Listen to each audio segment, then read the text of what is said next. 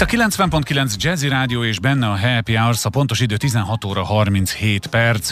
Felhívom a kedves hallgatók figyelmét, hogy a nyár közepi nyugalom megzavarására alkalmas hanghatásoknak lesznek kitéve, ugyanis a karácsonyról fogunk beszélgetni, miközben bármelyik üzletbe megyünk be, az iskola kezdéssel kapcsolatos dolgokkal bombáznak minket, mi másról beszélünk, méghozzá arról, hogy még egy hétig jelentkezhetnek azok, akik szeretnének a Vörösmarty téri karácsonyi vásáron megjelenni, ezért aztán ez nem minden kedves hallgatónkat érinti, de a részleteket Faix Csabával, a Budapest Brand Nonprofit ZRT vezérigazgatójával beszéljük meg, aki itt van a vonalban. Üdvözlöm! Jó napot kívánok! Szóval karácsonyjal borzoljuk a kedves hallgatók egy részének fülét, hiszen ezt időben el kell kezdeni szervezni. Lássuk be egy karácsonyi vásárt. Miről is van szó pontosan?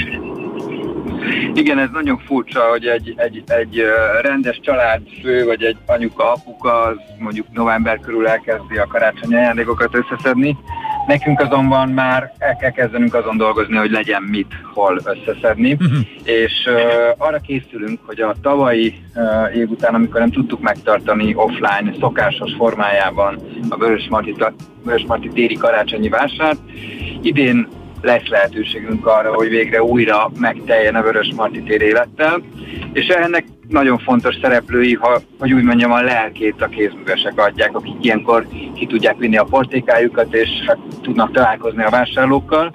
Viszont a Vörösmarty tér annyiban különbözik az összes többi karácsonyi vásártól, hogy, hogy itt nagyon szigorú rendszer alapján lehet bekerülni, nagyon szigorú kritériumrendszer alapján olyan valódi kézművesek kapnak lehetőséget az árusításra, akik csak hogy egy példát mondjak, például műhely fotóval is pályázniuk uh-huh. kell, hogy lássuk, hogy itt mondjuk nem tucat árukat, nem Kínából behozott árukat, vagy egyébeket árulnak, hanem valóban kézzel a saját műhelyükben készült árukat árusítanak.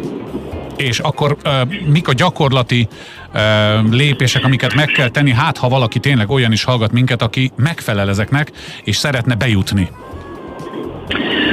A tavaly ugye, amikor nem sikerült a karácsonyi vásárt megtartanunk a járvány miatt, akkor elindítottunk egy, egy budapesti karácsony.hu oldalt, ahol egyébként pont ezeket a kiválogatott kereskedőket rendeztük csokorba, és ők a saját webshopukat tudták ide föltenni, hogy ha nem is valóságosan, de legalább virtuálisan erre a vásárra ki tudjanak menni a vásárlók, a látogatók. Ezen az oldalon lehet most is megtalálni a pályázati feltételeket, és, és én tényleg bíztatok mindenkit arra, hogy, hogy, hogy aki, aki a kézművességhez vagy akár csak designerként, kisebb volumenben, de úgy érzi, hogy megfelelne ennek a vásárnak a feltételeinek, az, az jöjjön el. A hallgatóknak, azoknak, akiknek mondjuk nincs otthon egy kézműves műhelyük momentán. Igen. Meg igazából szerintem az a fontos, hogy, hogy ezzel a vásárral mi tervezünk, mi számoltuk, számítunk arra, hogy vissza tud térni az élet a normális kerékvágásba, és végre megint találkozhatunk, forrat borozhatunk, adventi dalokat énekelhetünk, és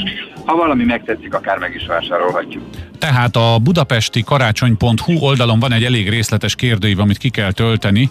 Közben én is megnyitottam és megnéztem. Ugye mikor tervezik magának a vásárnak az időpontját? Mert azért az sem holnap lesz.